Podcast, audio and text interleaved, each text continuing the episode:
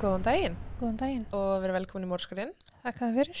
Ég heiti Þórdís Ég heiti Jóhanna. og rétt árun að byrja þá ætla ég að minna á afslættu kóðan okkar, Scrub Daddy, Já. mm, hjá Scrub Daddy, en með kóðanum Mórskurinn þá fáið 20% afslátt af öllum vörum Hárétt. inn á scrubdaddyisland.is. Hárétt. Jeps, jeps, jeps. Ég ætla það bara að vinda mér í málið. Mm En við erum komin til Chicago í Illinois Já. á áttunda áratuginum, tugnum, tugin. Og það var þá sem að hinn 48 ára Teresita Basa bjó og starfaði. En hún fættist upphaflega, uh, já, nei, hún bara, hún fættist í Filipsegjum árið 1929 og bjóð þar um nokkurt skeið. Teresita hafði alltaf verið heldekinn af tónlist og með hverju árinu myndaðist enn meira ástræða fyrir einmitt því. Þegar var yngri þá spilaði hún á píanó og æfði við hvert tækifæri sem henni gafst og hún vildi ólum gera þessa ástriðu sína að feril einn daginn og var bara í örvendingu sinni að reyna sem sagt, að æfa sig bara sem allra best Já. og að lókum að reyna að fá sagt, vinnu við tónlistar í tónlistarbransanum Mm -hmm. á Filipsegjum en það reyndist bara nær ómögulegt fyrir hana. Fyrir og um tvítugsaldrun reyndi hún trekki trekk að fá vinnu sem píanóleikari en það gekk ekki upp. Svo fljótlega fór hún átt að sá því að hún þyrti að finna aðra leið til að gera draum sinna veruleika. Ok. Svo þegar hún var komin á þrítugsaldurinn þá kom hún að flytja til Ameríku. Hún flytti til Chicago þar sem hún ætlaði að stunda tónlistanám og menta sig, fá réttindi og lokum starf. Hún útskrifaðist með diplómu og taldi að nú getur hún fengið vinnu en svo reyndist ekki. Því það var alveg erfitt fyrir hann að fá vinnu í Chicago eins og það hafði verið heima í Philipsheim. Mm Hún endaði með því að fá vinnu á sjúgrúsi á meðan hún var stöðugt í leita henni fullkomnu tónlistarvinnunni og byrjaði kjölfar að vinna sig upp bara í læknastjættinni. Ok. Að lokum hafði hún verið að starfa þar í nokkur skeið og, Um. og varð einhvers konar svona hjógrunarfræðingur slags öndunar tæknifræðingur slags læknir í rauninni. Respiratory therapy eða eitthvað. Já. Therapistu, já. bókstala og hún var bara nokkuð góð í sínu starfi en þetta var aldrei draumur þú veist að fara að vinna í læknastjættinni Þetta er sko fáránlega erfitt námúti bandarækjunum samt sko. mm en henni líkaði bara vel við þar sem hún var Ok. Borgar vel sko. mm hún var samt sem áður ekki búin að gefast upp á tónlistabransunum og var staður án í því að komast ángað endanum og ákvað því að sækja sér bara meiri mentun. En á daginn þá var hún að vinna á spítalunum á lönguvöktum sem voru frekar stressandi og svo kom hún heim og vann að doktorsnámi sín á kvöldin Já, ok. Hún var samt alveg dedicated. Já, þessu, já, já. Alveg bara, ok. Mhm. Uh, í frítíma sínum, þennan litla sem að hún átti, að þá var hún að gefa krökkunum á staðunum fría píanotíma vegna þess að hún var bara svo ástriðu fullum tónlist og vildi deila sér ástriðu með öðrum. Og hún vildi raun bara hjálpa öðrum að gera fallega tónlist. Já. Teresita var dugleg og ákveðin kona. Hún vildi alltaf gera betur en hún var nú þegar að gera og vildi stöðut læra nýja hluti. Hún var eitthvað mjög lífseg og þrátt fyrir erfileika eða bakslög þá mist hún aldrei kjarkin og var alltaf bjart sín um að betri tímar væri framöndan. Mm. Öllum vinnufélögum hennar á spítalunum fannst hún indisleg kona að vísu mjög róleg en dugleg. Hún var bara þessi venjulega kona sem að lifði venjulegu lífi, þú veist. En ekki komið maka eða neitt annir. Nei, en hlutir heldust í raun ekkit eðlilegir lengi. Þann 21. februar ár 1977 vaknaði einhver í hverfi Teresítu um miðjanótt og horfi sem sagt út um gluggan og sá að ein af sagt blokkunum að það voru sagt, það var reykur að koma úr glugga úr einni blokkinni. Ok. Reykurinn breytist mjög hratt út um gluggan og nákvæminn ringdi bara strax eftir aðstóð en það var þónum ljóst að um var að ræða eld. Mm -hmm. Slökkvölismenn komu fljótlega á vettvang og flýttu sér allalegð upp á 15. hæð þar sem eldurum virðist einungis vera að halda sér í einni íbúð sem að staðsett var á þeirri hæð. Þeir reynda að komast inn í íbúðuna en hurðin var læst svo þeir spörkuðu henni niður og hófu að slökkva eldin. Sem betur fyrir hafði hann ekki breyðist mikið út og fljótlega fór eldurinn að deyja. Þeir sáu að það hafi kviknað í dínu sem hann lá á miðri, miðju stofu gólfinu svo þegar eldurinn byrja að minka þá sáu þeir að það var eitthvað undir dínunni. Dínan var svona, veist, það var augljóst að það var eitthvað undir henni að hún var, já. Já. Þegar búið var að slökkva eldin og allt orði örugt þá snýri lauruglan dínunni við og við þeim blasti lík af naktri konu. Konan lá á bakinu með hníf í brjóstinu og bara þeir sáu strax að hún hafði látist vegna stungu árásar. Morðingjarnar hafði skilin hnífin eftir inn í henni og virðist hafa verið að reyna að losa sig við sönnugögn með því að brenna hana inni á heimilinu. Mm Bara kviknaði í. Það var bara kveikt í þessari dínu. Já, ok. og eldurinn var bara þar. Ok. Líkið var fljótlega auðkent sem 48 ára Teresita Basa en hún hafði verið myrt á heimilinu sinu. Líkanar fannst nakið sem að bendi til þess að kynferðsbrot uh, hafði átt sér stað. Mm Fötin hennar fundust svona í hrúu rétt hjá líkun hennar og það var bara eins og ára sem aðurinn hafi raun rifið fötin af henni og hendeim brá jörðuna. Ok. Við krupningu fundur réttamennafræðingar hins vegar engin ummerki um að kynfyrirsbrot hafði átt sér stað en þar sem hún var nakin þá gæti það meðal hann spennt til þess að um var að ræða einhvers konar niðurlægingu með því að hafa líki nakið vitandi til þess að fólk minn koma að henni naktri.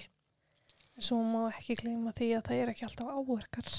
Já og svo einmitt líka má ekki gleyma því að uh, árásar menn og konur geta einnig bara fullnægt sér yfir nöktu líki Mhm. sem er í sjálfu sér kemfyrirsbrot Mhm. þrótt, þrótt fyrir að þú kannski og að, aðrar snertingar Mm -hmm. sem að sjást ekki hann að, já en spurningin sem að lögreglan stóð frammi fyrir var hver myndi vilja skada Teresítu á þennan hróttalega hátt það var enginn sem kom til greina hún átti engan öfinsökan fyrirandi kærasta hún var ekki skuld, hún átti ekki fíknefni, hún var ekki slæmi félagskap hún átti enga óvinni hún hafði ekki reynt neitt til neyðis reyðis, það var bara ekkert Nei. til að vinna með. Hún var bara frekar venjuleg 48 ára kona sem að vann á spítalunum. Gerð var leit á vettfangi og rannsóna lauruglan hugsaði með sér hvort að rán gæti hafa verið ástæða morsins en það virðist samt sem áður eins og engu hafi verið stólið því að það voru enn bara mikilvægi verðmætt í húsinu þú veist eins og sjómarbeðanar og svoleiðis Mm sem var ekki algengt á þessu tíma að eiga sjómarp. Nei. En þeir gáttu samt sem ára ekki útiloka þessa kenningu þar sem þeir vissi raun ekkert hvort að eitthvað hafi verið tekið. Þú veist, í fljótu bræði þá eitthvað svona, já ok, stóru verðmættu hlutinu voru ekki teknir, en var eitthvað annað tekið. Mm Þú veist, þeir gáttu í raun ekkert sagt til um það. En þeir hugsuðu með sér að þetta gæti hafi verið rán sem að fór úrskis, hvort að einhver hafi þá farið inn íbúðun alltaf að ræna einhverju, hún kemur að, Já. þú veist, og bara, þú veist, þeir bara voru ekkert að útiloka neitt. Lögreglan safnaði saman nokkru sönnagögnum úr íbúðinni og hófu bara rannsókn á málinu. Þeir fundu meðal annars handskrifaðan miða með rithönd Teresítu en á miðanum stóð myndi að kaupa leikhúsmiða fyrir A.C. sem Ok. eru sérst bara skamstöfun. AC. Mm -hmm. A.S. Saði ég sé? AC, sorry. A.S. A.S. AS.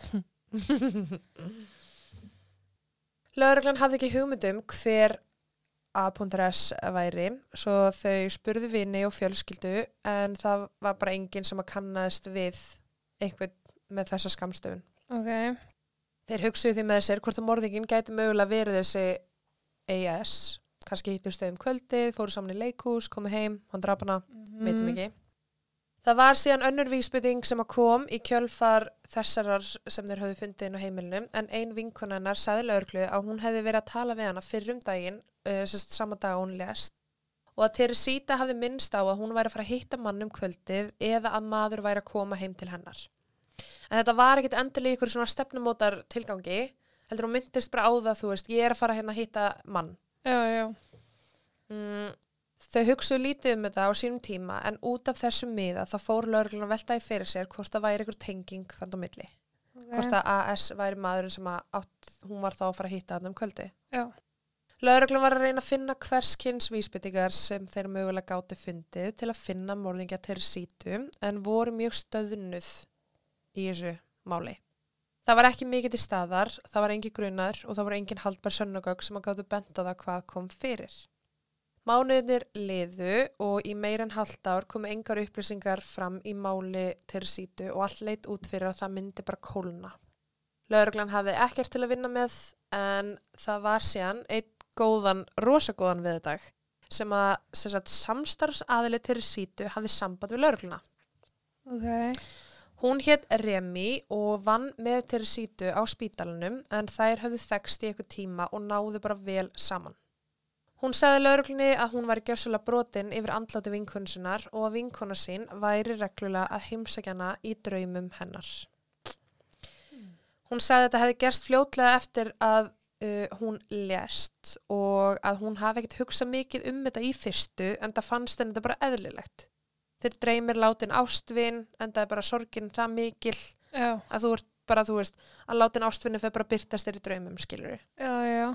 þú veist, og þú ert náttúrulega bara stöðut að, stöðut að hugsa um þessa mannesku í undir meðvitundinni, Mm meðvitundinni sem að þú veist, gera það verkum að jú, þið kannski fyrir að dreyma þessa mannesku Já, já. Og það er ekkit óvinnilegt Nei, alls ekki. þannig að Remi bjóst í raun bara við því að hún væri bara í sorg og það myndi líða hjá með tímanum en það gerði það ekki og þegar að sex mánir cirka bát voru liðnir þá var hún enn að fá Teresítu í heimsókn í draumum sínum Ok. Hún sagði þeim frá því að þetta hafði ágengst verulega með tímanum og að Teresíta væri ekki einungis að koma fram í draumum hennar, heldur væri hún einnig að ásækjana. Bara h- hunting, eða þú veist. Mm. Ok. Í fyrsta skipti sem að það gerðist þá var Remi sofandi á sófanum um miðjan dag heima á sér og eiginmaður hennar, Jose, var hann í herbergi en hann heyrði skyndilega einhver óhljóð. Ok. Hann gekk til hennar til að aðtöða með hana og það virðist eins og hún hafi bara verið í þungasvefni en að upplifa sérst bara einhverja martröð. Já, ok. Hósi er reynda vekjana og var að spurja hvort það væri allt í góðu. En Remi var einhvern veginn bara svona ennþá sofandi að muldra eitthvað á filipeisku Já. sem að er bara tungumál sem að Hósi, Remi og Teresita tölu. Mm Hann sagði að það bara leit út eins og hún væri að tala eitthvað en það hljómaði í raun ekkert eins og hennar rödd. Já, ok. Hann skildi ekki hvað var í gangi og fannst þetta bara freka skrítið. Hauðsinn hans fór á flug og hann spurði bara hver er þetta? Þú veist, hvað er að gerast? Og Remi svaraði, ég er Teresita Basa. Ok. Hósi stendur hana bara fyrirgjöðu hver, af því að hann í raun veit þannig sé ekkert hver Teresita Basa er, Nei. en það var hún alltaf bara að vinna með konans Já. og hann byrjaði því að spurja bara svona fleiri spurninga enda, enda vildi hann bara vita hvað var að gerast og var, þú veist, hann var alveg fyrstu frekar skeftískur og var bara eitthvað, æ, Remi, er það fokki mér og hann held bara svona svolítið smá eins og Remi væri bara fokki honum Ok. og hann er hérna og er eitthvað svona, þú veist við hvernig tala ég, þú veist, og er alveg svona smá skeftískur á þetta Ah. og Remi fer bara sérst að segja mikið magna upplýsingum frá Teresítu og frá morðinu sjálfu. Hún sagði Hóse að vera ekki hrættur og að hún vildi bara að morðingjarnar eru dregin til saka fyrir það sem hann gerði henni. Að lokum gaf hann upp nafn morðingjans og sagði að hann héti Alan Sjóveri. As. Mm Eftir stuttastund vaknaði Remi uh, frá þessum blundi og myndi ekki eftir neinu sem hafi gerst. Frá sem blundi, eins og þetta hafa rósla friðsælt. Næs. Það er bara eitthvað exa. Sorry, sýst, hvað er þetta? Stóri sýst. Hessas, pilsur. Um, já, Hóse fór að spurja hana, mannstu eftir þessu og bara, þú veist, mannstu eftir hvað var að gerast. En hún var bara, ég, Hóse, ég veit ekkert hvort tala um. Mm. Og hún var núna sjálf orðin bara eitthvað, Hóse, ert þú að fokki mér eða? Þú veist, hvað er að gerast hérna? Já. Hósi fór að spyrja hana hvort hún myndi eftir hinn og þessu og saman rættu þau hvað er gerst og hversu skrítið þetta var og spáðu svo bara lítið í þetta. Já. Þú veist, þú voru bara, eitthvað, já, ok, veist, bara, ok. Skrítið. Já, þar til þetta gerðist aftur. Eftir nokkra vikur lendir Hósi í því sama, Remi er sofandi inn í herbyrgi og byrjar að tala og segist vera Teresita. Í þetta skipti spyr Remi hann hvers vegna hann sé ekki búin að fara til lauruglunar með þessar upplýsingar sem að hún hafði þá gefið honum síðast. Mm. Hún segist hafa sagt honum nafni á morðingjanum en Hósi reynir að útskýra fyrir henni að hann get ekkit farið með þetta nafn til lauruglunar með þessa útskýringu á því hvernig hann fekk nafnið. Það er engar sannanir og það myndi bara enginn trú honum. Akkurát. Hann hafði líka aldrei heyrt þetta nafn, Alan Sjóveri áður og hann vildi bara ekki líti út eins og einhver fáviti að mæta hann á lauruglustöðu og bara Teresita er að tala við mig gegnum konuna mína sofandi og sagði mér hver morðingar. Já, Þetta hljómar svo Óra, já, óraunverulegt. Remi, eða sem sagt Teresita í svefni, segist á vera með sannanir fyrir því að Alan hafi drepið hana. Hún sagði að þegar hann draf hana, þá sem sagt tók hann úr öllu fötunum og stal öllum skartgripunum hennar sem hún var með á sér á þeim tíma sem hún lest. Ok. Hún sagði að það hefði verið eyrnalokkar, hálsmenn og ringur og að Alan hafi gefið kæristunni sinni þessa skarkgripi eftir andleti.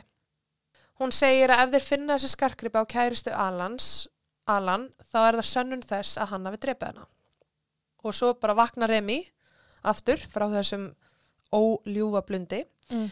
og þau tala saman á ný og ákveða bara þarna að fara til örgnar með þessar upplýsingar. Já. Og í verstafalli er þetta bara eitthvað bull og þessi Alan, ef hann var til, ef hann var ekki til, gata bara verið útilokar á löglunni. Um. Þau fara því til löglunar sem að bregst við nákvæmlega eins og við getum ímynda okkur. Þau hafðu lítinn sem engan áhuga á að heyra einhverja sögu af einhverju draugum. Mm. Lögreglan var að vinna með staðarindir og líkamlega sönnugögn og vildu bara ekki koma nála þetta einhverju svona sögu. En það myndi þetta líka aldrei standast sem sönnugögn fyrir dómi. Enga einn, sko. En mjög hæpið. mjög hæpið. Joe Stakula, rannsóknulörglumæðurinn, uh, hann alltaf bara heyrði af þessu atviki og hlustaði á Jós, Hóse og Remi segja þessu sögu og var bara svona, þú veist, fyrir eitthvað skeftiskur á þetta. Hann var samt sem að var mjög áhuga samar um þetta og fannst þetta vera svona svolítið, þú veist, bara what, hvaðan er þetta að koma? Mm -hmm.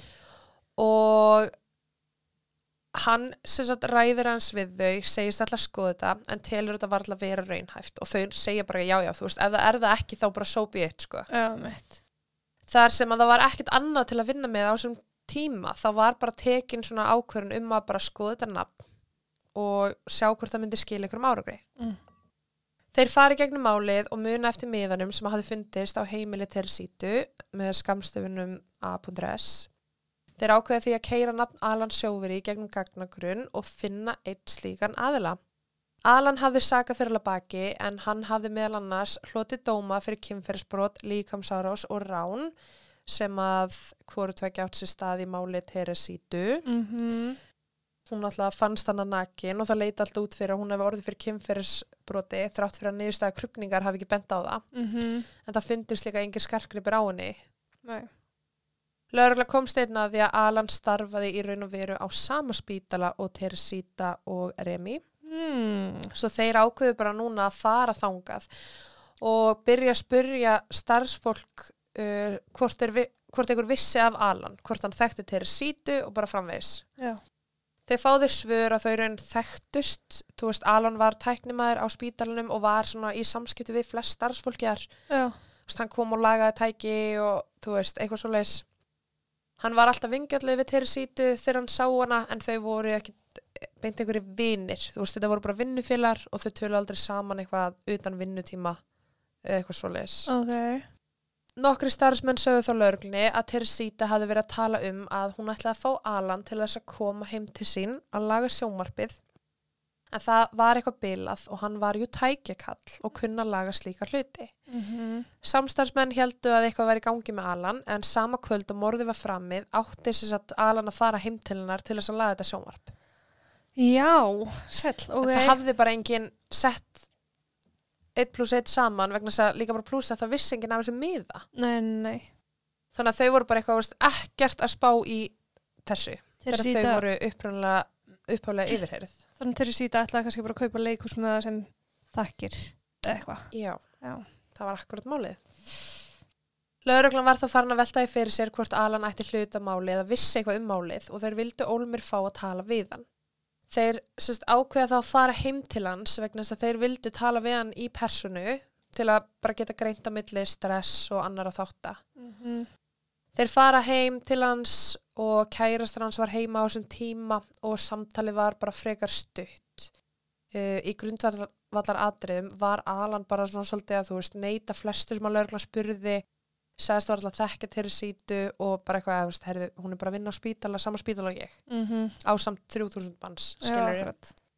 Kvöldi sem að morði var framið sagðist hann hafi verið heim með kæristunni sinni en þau voru bara að chilla eins og þau ger alltaf. Þeir spurði hann hvort hann hefði eitthvað tíman komið heim til til sítu áður og hann saði nei.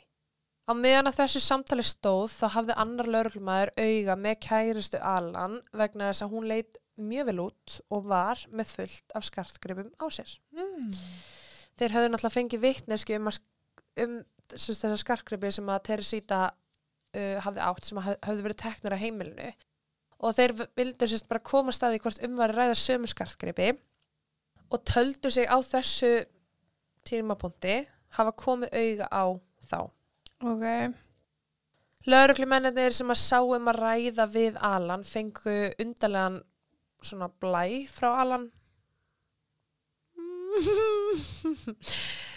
fengu bara undarlegt væp frá Alan og vildu ekkit, og vildu endilega fá hann niður á lauruglustöð til að taka hann sérst í bara svona yfirheyslu. Já. Þú veist, hitt var bara svona stutt spjall en þannig er þú veist yfirheysla í mynd og bara þar sem að þær lesi fyrir réttindin og eitthvað. Mm -hmm. Þar fóru þeir að sækja á hann og sögðu meðal annars bara eitthvað svona, ok, þú sagður okkur að þú hefur aldrei komið heim til Teresit áður og þú hafir í raun aldrei ætlaðir að fara til hennar. En við vitum að þú ætlaðir að fara að laga sjónvarpið hennar, hvað hva er í gangi hér, skiljum við. Og Alan er þá bara eitthvað svona breyti frásögninni og bara eitthvað, jú, herru það er rétt þér, ég átti að fara að laga sjónvarpið um, svona seint um kvöldið en uh, plönin breyttust og ég fór fyrr um daginn og ég bara rétt svo kíkti inn, ég var bara búin að gleyma þessu af því það var ekki hægt að laga sjónvarpið, sjónvarpið var alveg bara ónýtt þannig ég bara fór inn, sá það og fór aftur. Ok. Þannig ég bara svona, já, ég, ég stenglimd þessu, bara sorry. Mm. Mm. Þannig að hann segist bara í raun hafa farið frá henni án þess að laga neitt fljótlega eftir að hann kom ákað. Hann sagði að þegar hann fór frá henni uh, þá hafa hann bara farið beint heim til kæristunum sinnar og þar hafði hann uh, farið sérst að laga eitthvað svona eitthvað, eitthvað rámags vandamál sem að var í húsinu þeirra. Af því hann vildi ekki að kærista sín væri ein heima í myrkrunu. Mm. Þannig að það var sérst rámaslaust heima á honum og hann hafi þá farið heim og farið bara sérst að laga það. það. Ok. Setna var kæristan hans byggðin um að staðfesta þetta og hún sagði rafmakslust. Mm. Nei, hvenær var það? Þannig að hann er í raun bara þarna að reyna að búa til fjárvistasönnun á staðnum á þess að hafa nokkuð tíma rætt við kæristun sinni um það og veit ekkert hvað hún er að fara að segja. Nei. Hann hefði líka bara getað sagt ég fór heim. Hann þurfti ekki að koma með svona viðbót við söguna Nei, en það er akkur það sem að lígar að gera. nákvæmlega því að hún örugglega verið bara já hann kom heim, þú Mhm. veist, en þannig er hann bara eitthvað ég kom heim og gerði þetta. Og bara krossaði fingur og vonast þess að hún myndi samþykja allt. Já, þú veist, auðvitað líka bara þú veist, það væri eitt ef hann færi heim og sagðist hafa rista sér brauð og hún bara, ég hef ekki hugmyndu hvað hann var að gera. Já. En að segja að það hafi verið rafmagnslaust, það er eitthvað sem þú ættir að taka eftir. Já, Og alveg þannig ertu 100%. bara eitthvað, Og líka, Nei, ef hann segir, já, að því ég vildi ekki hún var ein heima, í myrkrunu. þá myndi hún meira bara eitthvað, já, þú veist, ég var svo smeg að vera. Já, Eða skilur. Þannig að lauruglan hafði það bara svona svolítið á tilfinningunni að kærasta Alans gæti verið mjög gagli fyrir rannsóknina og vildu bara nota hana til þess að koma upp um Alan. En þetta voru þeir byrja átt að segja á því að hún var ekki að ljúa fyrir hann. Nei. að þá hefði hún alltaf uh, sagt, já, það var rámaslust, ég var Mhm. heima, skilur Þannig að þeir segja við hana að þeim gruni að Alan uh, hafi gert þetta og segja bara að hún geti hjálpað þeim við að upplýsa málið. Þeir spurðu hana hvort að Alan hefði nýlega gefið henni einhverja skarkgripi og við til menn, hún játaði því. Hún segist að það fengi nokkur stykki í februar sem svona síðbúna jólagjöf. Já, en það var sérst akkurat í februar sem að morði átt sér stað. Æ, mitt. Þannig að lögreglan er bara eitthvað, já, ok, frábært, getur nokkuð komið með þá til okkar og við getum fengið fjölskyldi til sítu til að koma og byrja að kennsla þá ef þetta eru hennar skarkripir. Já, akkurat. Hún gerir það og fjölskyldan kemur auðvitað á skarkripina sem að teknar, teknir voru af heimili til sítu kvöldi sem hún var myrt. En þarna var sérst komin sönnun fyrir því að Alan stal skarkripunum og gaf kæristunum sinni. Mm. Hann bókstala tók skarkripi af líki konu og gaf kæristunum sinni sem var bara gjössalega grunnlaus um hvar hann hafði fengið þessa skarkgripi. Romantíkin maður. What a romantic guy, sko. Er ekki hugurinn sem gildir. Æ, ég veit það ekki. Ekki alltaf. Sönnunagögnin eru því farin að hrannast verulega upp gegn Alan á þessu tímpunkti og hann var enn á ný kallaður til yfirýslu þar sem að lögreglan var bara að reyna sitt allra besta til að fá játningu upp úr honum. Mm. Og þetta voru alveg nokkuð skipti sem hann er fengið neyra stöð og þeir eru eitthvað svona, ok, ef við eitthvað nýtt til að spyrja hann úti, bara hei, getur komin á stöð við erum hérna með nokkra spurningar og svo þú veist, eru þeir alltaf bara eitthvað að reyna að fá hann til að segja eitthvað. Já. Og það var í eitt af þessu skiptum sem að hann bara öruglega var orðin ekkit eðlilega þreyttur á því fyrir að mæta nýra lörgstöð að því að hann bara játaði að hafa myrt þeirri sítu. Þeim tókst í loksis að fá játningu upp á húnum en það var í raun bara allt með þökk Remi og Jose. Mm Og sko, ég veit alveg að það getur verið erfitt að trúa eitthvað svona í þessi stað. Sérstaklega ef þú trúir ekki á neitt yfirnáttúrulegt en öll eru við með mismunandi skoðanir og mismunandi sjónar á hluti -hmm. Og það eru margir sem að trúa sig í dag og vilja sérst meina Remi hafi bara fengið þessar upplýsingar öðruvísi en ekki þórað að koma fram með að hvernig hún aflaði upplýsinga um að það hafi verið Alan. Já. Hvort sem að hún hafi þá, þú veist, heyrt hann tali í vinnunni, verið hrætt við hann, hann hafi játað þetta fyrir, þú veist, eitthvað svoleiðis og það Já. margir hafa gert það, gert það svona upp í haustum á sér Já, já. að hún, þú veist, þetta átti sér aldrei stað svona, sko. Nei. en einhvern veginn kom upplýsingarnar. En þarna höfður samt sem áður komið haldbar sönnugögg sem hægt, no- hægt voru að nota fyrir dómi og Alan var því ákjærður fyrir morð. En það er samt líka sko mjög sérstakt við það að sérst, ekki nómið það að hún viti nafni á Alan Sjóveri hún veit og vissi að Alan rændi skarkripunum af Teresítu og gaf kærustunni sinni Já. það er svo nákvæmt Mm þú veist í staðan fyrir að segja bara já hann rændi skarkrippunum að því að hann vantaði skarkripi Já. en hann gaf kæristunum sinni Þetta er mjög undarlegt, sko. þetta er rosalega undarlegt sko og það er bara þú veist það er enginn sem veit það nema morðingin Mm og augljóslega hinn látni Já. sem er ekki meðal oss í dag Nei. þannig að já en hvort sem er og hvað sem gerðist að þá hafði lauruglan loksis fengið játningu frá morðingjanum og hann sem sagt sagði þeim frá uh, sinni útgáfu af atbyrðum kvöldsins. Hann sagði að hans áallun hafi verið að ræna sem sagt Teresítu um kvöldið ræna hlutunum hennar, Mhm. ekki henni vegna þess að hann vissi að hann væri að fara til hennar og hann vissi að Teresíta ætti fullt af peningum og þú veist, hún var með reyði fyrir hér og þar og hún átti bara verðmæti Já. sem enginn hann átti en það bjón bara ein var bara í mjög góður starfi og já. Hann hins vegar var ekki mjög vel stattur fjárhanslega á þessum tímapunkti og þú veist, hann var seitt með að borga leigu og var bara orðin frekar örvæntingafullur Mm þannig að hans, plani hans var að fara og ræna hlutunum hennar til sítu og það sem hann gerði fyrst var að hann gekk inn í íbúðunarnar og draf hana Bara strax. þannig að hann draf hana mm, til þess að geta farið og leitað í húsinu af hlutum sem hún langaði til að stela vegna þess að hann hafði ekkit hugmynd um hvað nákvæmlega hún átti á heimilinu Já, ok.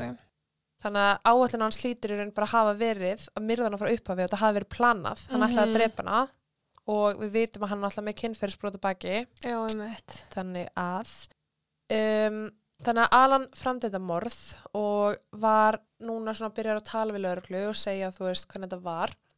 En hann sagði að hann hafi ekki sagt, þetta hafi ekki verið kynferðislega ára svo neitt nátt. Hann sagði það sagt, ástæðan fyrir því að hann hafi rið, ekki riðið, það væri mjög skviti, rifið tersítu úr fötunum var til að það myndi lítið eins og þetta hafi verið kynferðislega árás. Ah, ok. En hann segir sérst að hann snert hana ekki. Hann hafi síðan bara sérst drepa hana, þarna, stungi hana, rífa hann úr fötunum og hann hafi síðan sett dýnuna ofan á líkið og þegar hún var látin þá byrja hann að hlaupa um sérst íbúðuna, ræna öllu sem hann gatt og stela hlutum hér og þar. Uh, viltu vita hvað hann tók Já, með? ég ætla að fara að segja hvað varmæti voru þetta. Þetta voru 30 dólarar í reyðufjö og svo voru þetta skarkgripinir sem hann tók af líki Teresít. Oh my god. Já, þannig að Teresíta, hún var sérst myrt fyrir 30 dólara og skarkgripa sett þú veist, hann fekk ekki einu svona nægum pening fyrir leigun sinni Nei, emmitt. þú veist, og þetta er allt bara eitthvað 30 dólarar og síðbúin jólagjöf fyrir kæristinu sinna þeir nátti ekki efna á henni í desember Mm en allt í nátti efna á því núna þú getur ekki borgað leigu en þú getur keipt hérna einhver rándir að skarkgripi Já, akkurat. þú veist, ok ekki, Þetta er líka sníðu og maður hefði bara selt þessa skarkgrip og borgað leigunum sinni, sko. mm nákvæmlega Sníðu maður hefði náttúrulega ekki bara myrt konu skilur, en Já, ángríns um, Alan hann sem sagt var búin að játa fyrir lauruglu en hann sem sagt ákvað að lýsa sig yfir sem saklusan og af einhverjum ástæðum gera morðingar þetta alltaf. Og þeir eru bara eitthvað, þú veist, það er eins og þeir séu bara heimskir, þeir Mhm. vita það er til upptaka af þeim þar sem þeir eru að játa verknaðin og þeir eru að segja frá atbyrðum kvöldsins og hvað gerðist og hvað allt, hvernig gekk á. Og svo einhvern veginn eru þessu séu bara, nei, veistu, ég er saklus mm Þannig að hann allana segir fyrir dómi að hann sé saklaus. Og það í raun gerir það verkum að málið þarf að fara fyrir dóm. Vegna að segja hann annars væri náttúrulega bara dómsöp kvanning já, og hann vildi fá þessi réttarhöld og ótröldan satt af einhverjum ástæðum. Þá var hung jury. Hættu.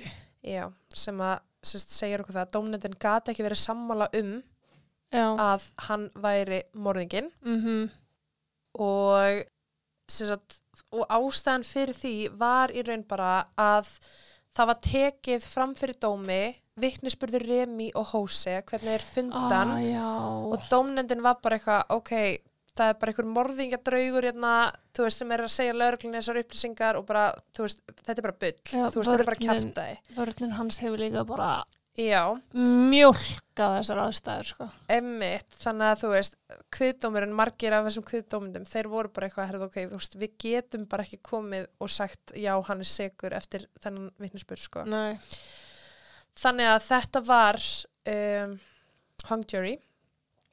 Og kviðdómur var líka bara eitthvað veist, það er bara eins og þetta sé svona bara fullkomnasta leiðin til þess að kenna ykkur um öðrum um glæp. Já, þú bara vaknar, þú veist, úr svefni, varst andsetin eða eitthvað fyrir korteri og eða fá þú fattu hvað ég meina. já, Um, þessi réttarhöld, eins og ég segi, þau enda náttúrulega bara í hung jury og það koma önnur réttarhöld í kjölfarið og að lokum var sagt Alan fundin segur um morð. mhm, ég ætla rétt að vona það. Já. Hann fekk sagt 14 ár fyrir morðið á Teresítu en á einhverjum ástæðum að þá losnaði hann út eftir fjögur ár sem er bara ótrúlega lítið fyrir það sem hann gerði. Hvernig í ósköpunum? Mm Það var bara vegna góðurar hegðunar sko. Já, en þú veist, yfir höfuð mjög lítill dómur. mm -hmm. Jöps. What? Bara, þú veist, hann er að afplána eitt fjórða Já, næstu því af refsingunni sinni. fyrir morð, sko. fyrir morð, já, sem er alltaf bara geðviki, sko. Þetta er bara ekkert réttlæti. En já, Alan satt inni í fjögur ár og er náttúrulega bara var lausur fangelsi. Já, Þú veist, ofan að það bæ, voru sérst fjögur ár fyrir íkveiki og innbrott mm. og hann var sendur í Stateville Penitentiary fangelsi þar sem hann fekk sérst skilorð, hann 1983 eftir rúm fjögur ár Mm. og hann, það talaði hann sé ennþá á lífi og sé bara nálgast 70 aldrin Mm. og já, og það er sko, það er aðeins tala um hann að eftir að hann var látið laus þá byrja hann að hitta ykkur konu að nafni Naomi sem hafði verið að mæta í rétturöldin hans og svo hann flytti inn með ykkur um ættingja um, eftir það bjóð hann í Chicago í stuttan tíma og snýri svo til New York. Og þú veist það er talað um hérna að bara líf hans sé freka mikið ráðgóta þó að sé þú veist ætlast til þess að sé hann þá lífi. Mm. en sko bara that's it. Já, og það er eiginlega ekkit meira þannig séð vitað um hann. Mm. hvar hann er í lífinu í dag eða neitt. mm þú veist, hann hefur öruglega bara skipt um nafn eða gert eitthvað sko. Já, en þú veist ég veit ekki, mér fannst þetta mál bara svo ótrúlegt út af því að þú veist, ég skil alveg að svolítið skrítið að þú er bara eitthvað sofandi og vinkunæðin taki yfir líkamæðin og fer að segja eigimanni þínum frá því hvernig hún var myrt.